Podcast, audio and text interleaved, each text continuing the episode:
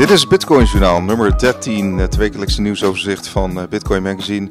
En uh, ja, laten we gelijk starten met het eerste nieuwtje. Uh, want aankomende nacht, rond drie uur, dus dat is de nacht van vrijdag op zaterdag, wordt waarschijnlijk, of kunnen we wel zeker zijn, dat de 18 miljoenste Bitcoin gemined wordt. ja, een, toch wel een, een mooie, mooie mijlpaal, toch, Robin? Ja, en dat betekent dat we nog, het is het, ongeveer 100 jaar moeten strijden om die andere 3 miljoen. 120 zelfs. That's it? Ja. 120 jaar. Nou, dus we hebben nog even te gaan. Ja, maar het meeste wordt wel de komende uh, drie tot vijf jaar gemined, hè, begrijp ik. Uh, als je kijkt naar, uh, naar de grafiek. Ja, gaat steeds door de helft, hè? Ja, ja nou, we zitten nu dus bijna op 600.000 blokken zijn er gemined.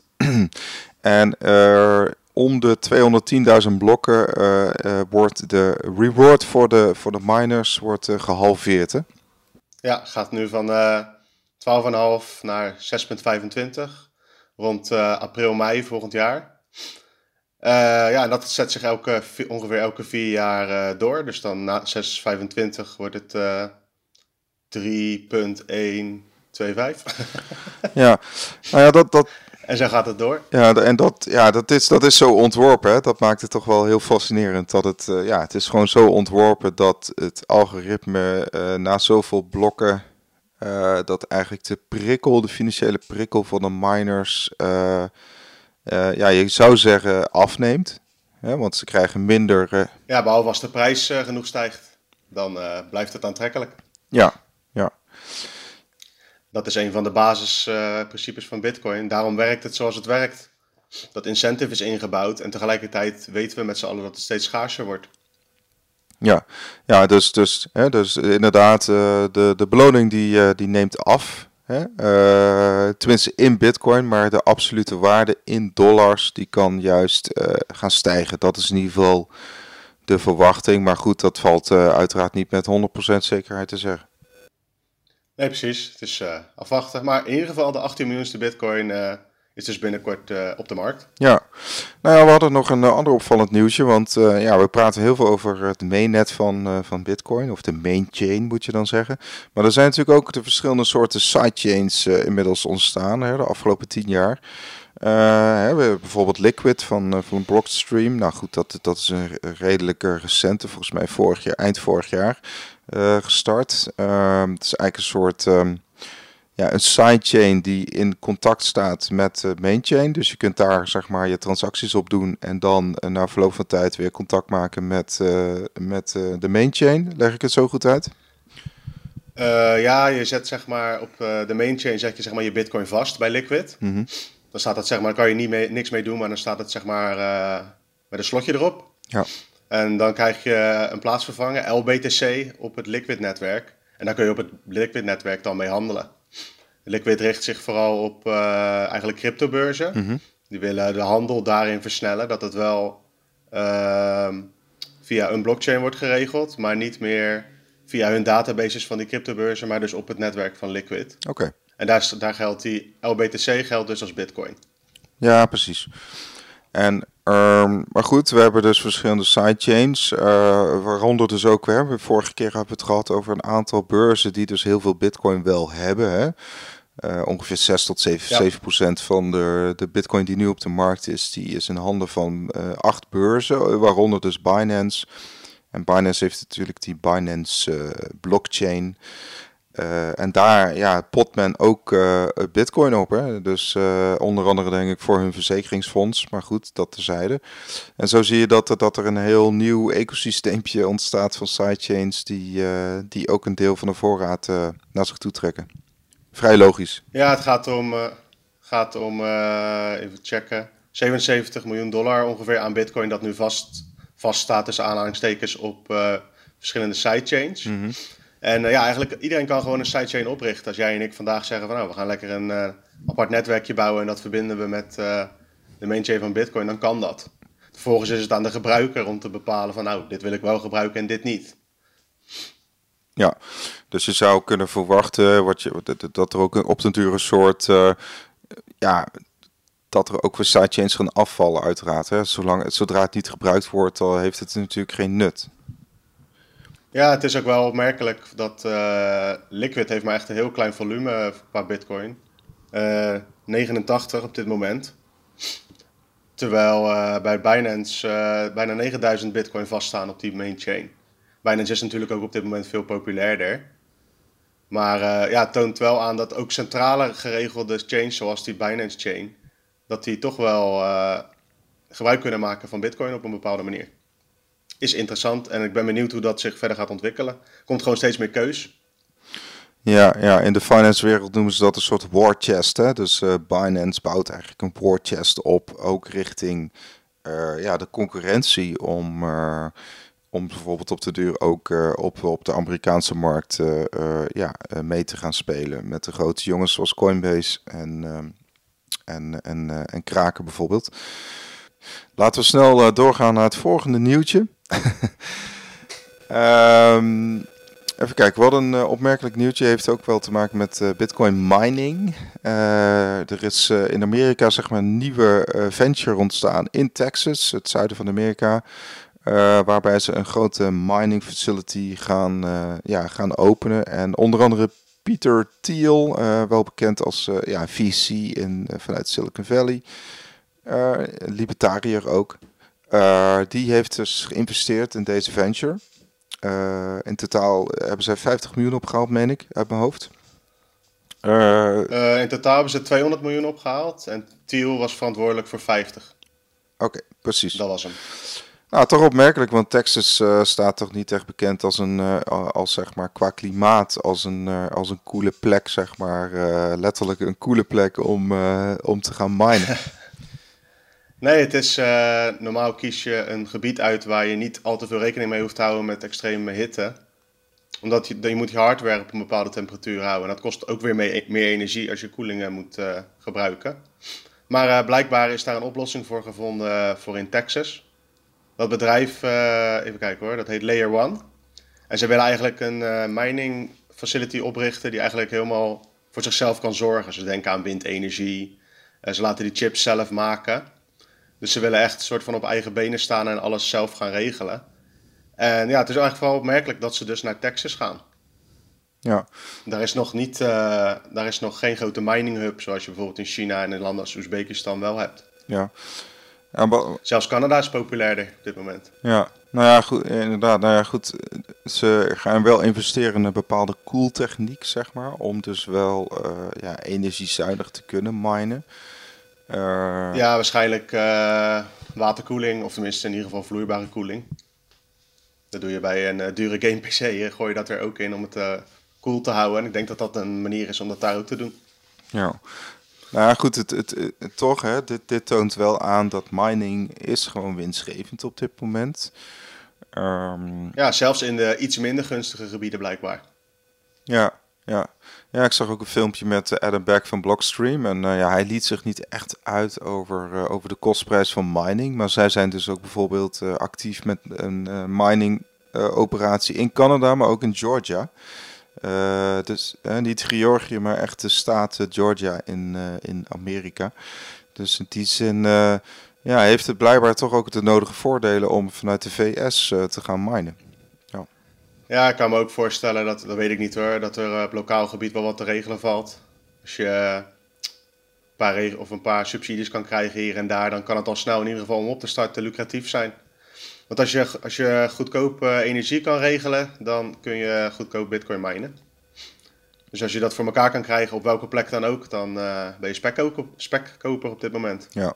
Ja, je hebt natuurlijk wel kapitaal nodig om, om te starten. Hè? Niet iedereen kan uh, meer op zijn computertje bitcoin gaan minen. Nee, ja, kan wel. Maar dan uh, ga je niks vinden, ga je niks verdienen. Daar brand je alleen maar je laptop mee op, denk ik. ja, ja. Dus uh, nee, dit is wel meer weggelegd op dit moment voor uh, gewoon grote, grotere initiatieven.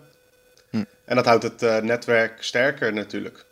Er is meer computerkracht voor nodig om het netwerk aan te vallen, voor zover dat nog kan. Het is alleen maar mooi, denk ik, dat het nu ja, zo groot wordt dat, dat het geval is.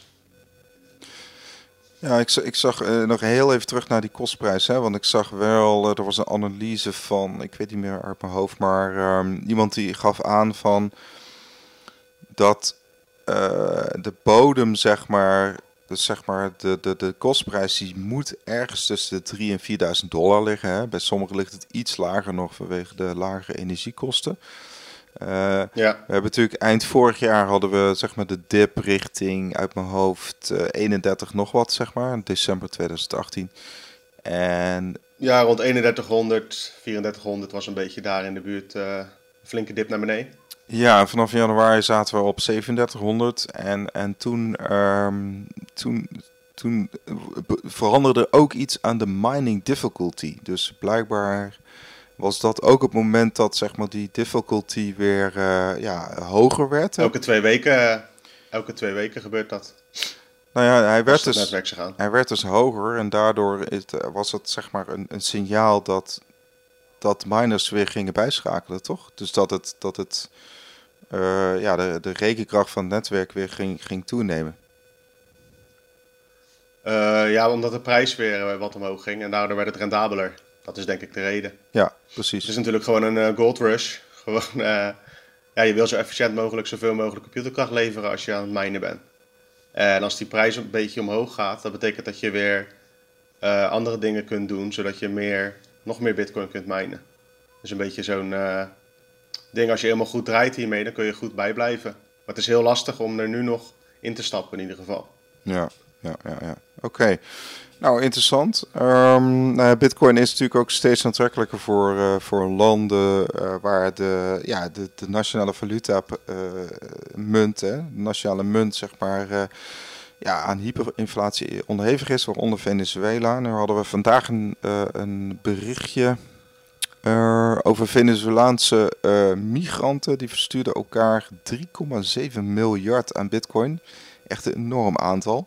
Do Dollar aan bitcoin, ja. Ja, dollar aan bitcoin inderdaad. en uh, nou ja, op zich wel een leuk, leuk verhaal om te kijken. Of ja, leuk in ieder geval. Een interessant verhaal om te kijken hoe migranten, zeg maar, die ja, hun land ontvluchten, toch kunnen overleven, zeg maar, met bitcoin. En, ja, dat is een van de use cases van ja, als je ergens heen wil en je wil je financiën meenemen, dan heb je aan een hardware wallet of zelfs een paper walletje, gewoon een papiertje, in principe voldoende. Je hoeft geen rekening met bitcoin, je hoeft geen rekening te houden met banken waar je moet overschrijven of overheden waar je toestemming aan moet vragen qua dat soort dingen.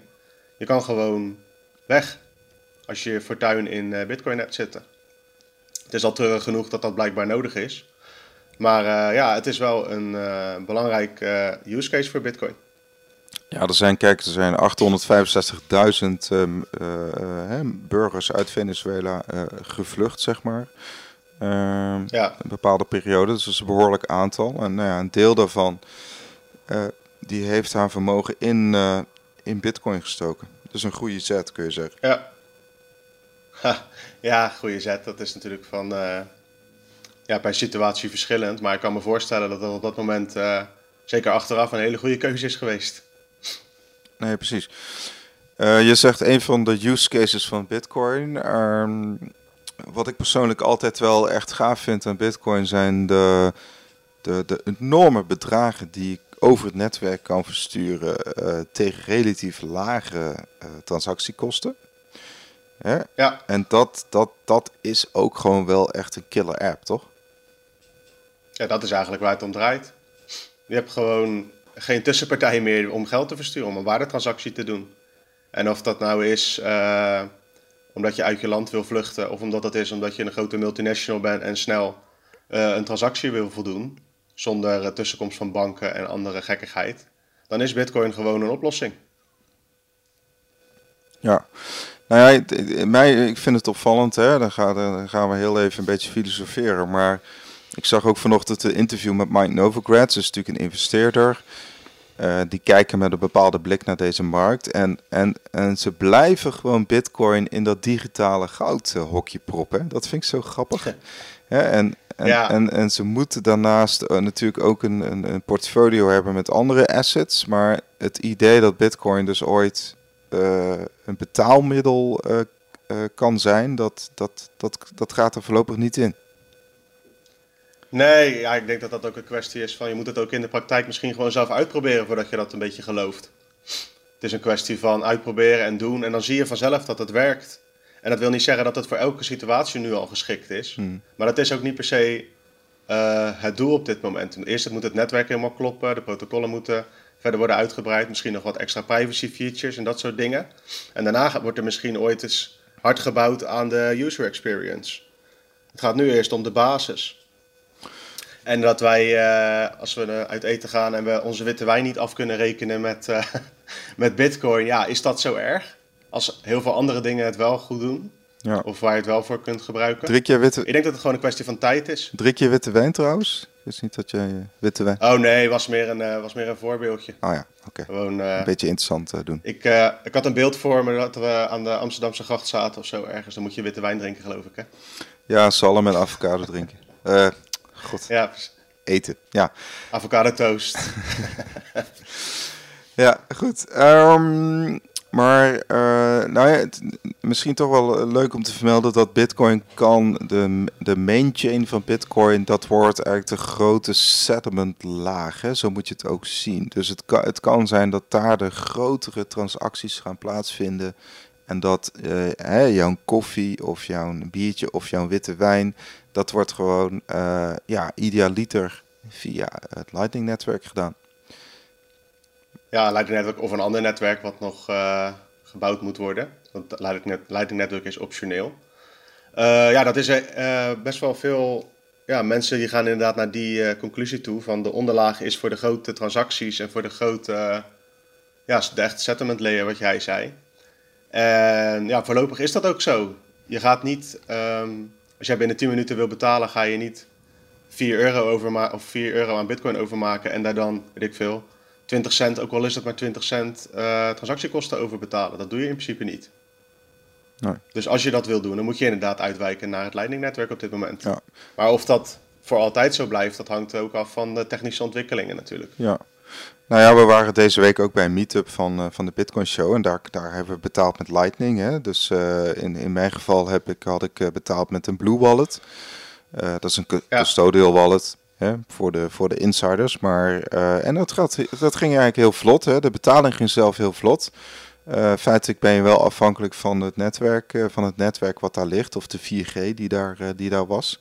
Maar goed. Het... Ja, het internet is altijd de bottleneck misschien. Ja, ja, precies. Dus daar ben je wel afhankelijk van. Maar goed, dat, dat ging eigenlijk heel vlot, weet je wel. En, uh, en uh, dus dat, dat... Ja, maar daar is het leidingnetwerk voor. Dat is precies dat. Ja. En, en dan is het ook leuk, want dan betaal je zo goed als geen... Uh, je betaalt een heel klein beetje transactiekosten. Ja, was 8 of 9 cent of zo. Ja, dat kan je instellen. Hè.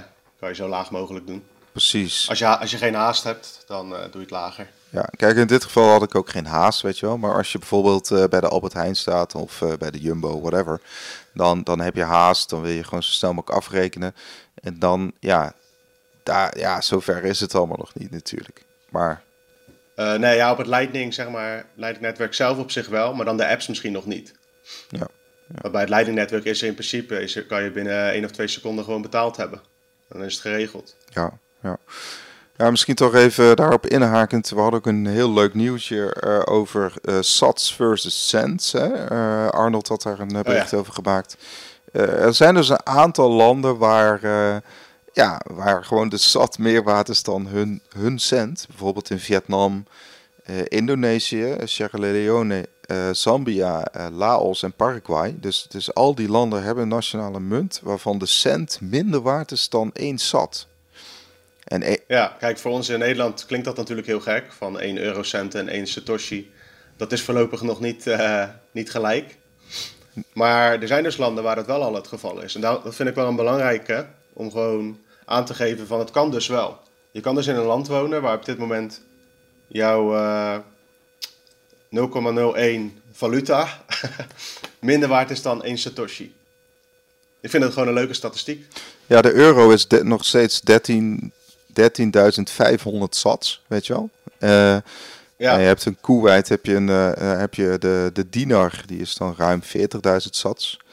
Dus ja, ja, moet je zien wat een verschil er eigenlijk is tussen al die uh, valuta in de wereld, weet je wel. En, en dat, dat zou, dat zou de, hè, met een sat wordt dat ook weer een soort van gelijk getrokken.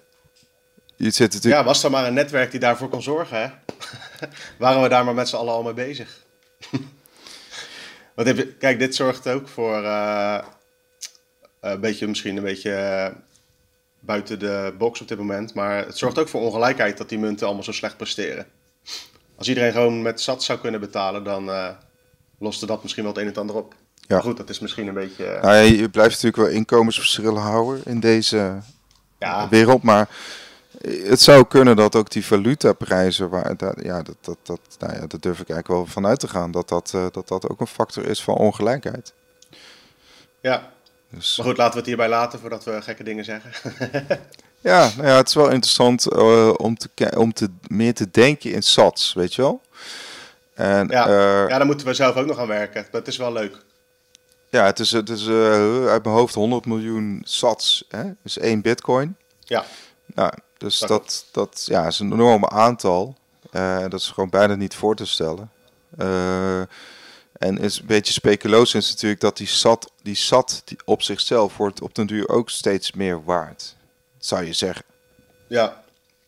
Nou ja, uiteindelijk, als Bitcoin meer waard wordt, dan wel inderdaad. Maar het is nog geen, uh, geen unit of account. Dat is waar het eigenlijk om draait. Het is nog geen rekeneenheid, bedoel ik. Het is nog geen euro of het is nog geen meter. Je gebruikt, of uh, ja, geen euro bedoel ik. Je gebruikt het nog niet. Je gebruikt geen sats om de prijzen aan te geven, omdat het nog te volatiel is. Maar de vol volatiliteit neemt wel af. Als je kijkt naar uh, de sprongen heel, helemaal in het begin, dan ging het soms om, weet ik veel, tienduizenden procenten in een week. Dat is nu niet meer. Het gaat nu, ondertussen gaat het nog maar tussen aanleidingstekens om 40, 50 procent hooguit binnen een x aantal weken. Dus de, het wordt minder. En op het moment dat de prijs relatief stabiel is, dan kun je gaan, dingen gaan prijzen in bijvoorbeeld Satoshi's. Tegelijkertijd is het misschien wel interessanter om uh, helemaal met Satoshi's te gaan werken. Want dan klinkt toch, klinkt toch beter als je zegt van ik koop 80.000 Satoshi in plaats van ik koop 0,0008 bitcoin. Ja, precies. Voor de marketing zou het niet verkeerd zijn. Ja, ja, nou ja, goed. In idealiter heb je dus bepaalde producten die op de duur uh, gewoon beginnen met zat, weet je wel. En daarna pas, en dan staat er onder de, de euro- of dollarprijs. ja. ja, misschien moeten we daar zelf mee beginnen dan. Ja, nou ja, goed. Het is nog een lange weg te gaan, denk ik.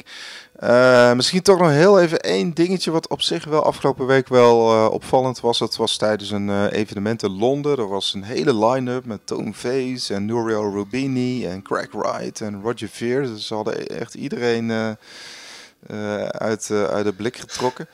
Um, in de boxring gezet. Ja, en opvallend toch, uh, Rubini is uh, vaak een hardliner uh, op gebied richting Bitcoin. We herinneren ons misschien dat debat wel met Arthur Hayes, de, de, de Tangle en Taipei.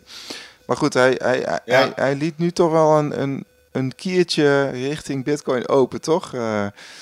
en, ja, hij is zich een beetje, misschien, hij was niet versproken, wil ik niet zeggen. Maar zijn message was altijd van, uh, ja, ik heb alles liever dan cryptocurrency en dus ook bitcoin. Uh, maar nu zei hij dus tijdens dat uh, gesprek van, ja, misschien is bitcoin wel een oppotmiddel. Misschien kun je er wel wat waarde mee vasthouden. En als je dat hoort, dan denk ik denk gelijk van, nou, dus je vindt wel meer dan misschien, anders zou je het niet zeggen. maar dit is natuurlijk op dit moment ook zijn, zijn imago. Daarom wordt hij uitgenodigd, omdat hij bitcoin basht. En het is geen, uh, geen gekkie op het gebied van uh, de economie, want hij had uh, de crisis van 2018 had hij voorspeld. Daarom heeft hij de bijnaam Dr. Doom gekregen. en ja, hij is gewoon iemand die op dit moment heel erg tegen Bitcoin ingaat. En dat is eigenlijk alleen maar goed. Want als je daar geen antwoord op kan hebben als Bitcoin community of als Bitcoin, dan is er ook iets goeds mis. En ik vind dat Tone Face op dit moment, of dat daar heel goed deed. Zeker, zeker. ging er goed tegenin. Nou, je... En hij lokte dus uh, dat quoteje uit. Is wel leuk. Nou ja, je ziet dat Goldbucks, uh, hè, die hebben nog steeds wel moeite met, met Bitcoin. Ik, ik werd toevallig afgelopen week ook benaderd door een goudfonds. Hè, want uh, ik was ooit bij een congres geweest en ik stond blijkbaar op een mailinglist. En ik werd ook gebeld door, ja, door, ja. door een Nederlands goudfonds. En uh, ja, nou ja, goed. Uh, minimale inlegwaarde was 25.000 euro. Dus uh, dat, dat ging al niet op. maar, nee. maar toen raken we ook aan de praat. ik zei van ja, ik, ik, ik investeer in bitcoin, weet je wel. En, en, en natuurlijk hier en daar nog wel een paar andere fondsen. Maar voornamelijk Bitcoin. Uh, en toen kwam het al gauw natuurlijk op, op, het, op het gesprek van ja, maar goud heeft wel een onderliggende waarde, weet je wel. En dat, dat was dan weer toch zo, zo'n zo'n zo'n open deur weer, dat ik dacht, ja, is, men, begrijpt ja, maar men begrijpt die dat zegt, niet. Die heeft, die heeft toch niet dan zich ingelezen in wat bitcoin is? Nee. Zeg maar, de, het onderliggende waarde is gewoon uh, de computerkracht. Gewoon het openbare netwerk. Die zo veilig, veilig mogelijk en decentraal mogelijk in elkaar zit. Ja. En als je daarvan gebruik wil maken, heb je bitcoin nodig. Op wat voor manier dan ook. Ja, er zit blijkbaar iets in de mens of zo, die uh, iets tastbaars. Hè? Die, men moet blijkbaar iets ja, het is ook wel logisch. Hebben. We hebben ook uh, best wel veel munten op de markt gezien, toch? Die gewoon fysieke bitcoin zijn met bitcoin erop, of bitcoin erin moet ik dan zeggen. Ja. Met een private key. Dus ja, we vinden dat wel fijn natuurlijk, dingen vasthouden. Tegelijkertijd gaan we steeds meer digitaliseren. Dus ik, misschien is het ook wel gewoon een kwestie van tijd. Tot uh, de millennials uh, de 50-plussers zijn. Ja. Die begrijpen digitale waarde misschien ook wel beter. Ja, ik zag ook nog wel een tweetje van zo'n uh, van zo'n goud, ja, zo'n goudstaaf die dan opengemaakt was en dat er een baksteen in zat. Dus je, je, je, kunt, hm. je kunt daar nog wel mee frauderen, zeg maar. En, ja, dat kan bij Bitcoin niet. Nee, dat kan gewoon niet. Dus dat. Nee. Ja, goed. Dat even tezijde. Nou, leuke nieuwtjes. Um, wil je Bitcoin Magazine volgen? Ja, volg ons op Twitter, Telegram, Facebook. we hebben ook een webshop. Daar hebben we een heel cool, super cool, gave t-shirt met de astronaut erop. Hoe cool. Ja, echt super cool. En Robin, wilde jij nog iets kwijt? Uh, nou, je kan natuurlijk ook gewoon op bitcoinmagazine.nl, die was je nog even vergeten te zeggen. Kun je al het nieuws volgen en dan blijf je altijd up-to-date uh, over het wereldje en in het wereldje van bitcoin. Tot volgende week. Tot de volgende keer. Later. Doei doei.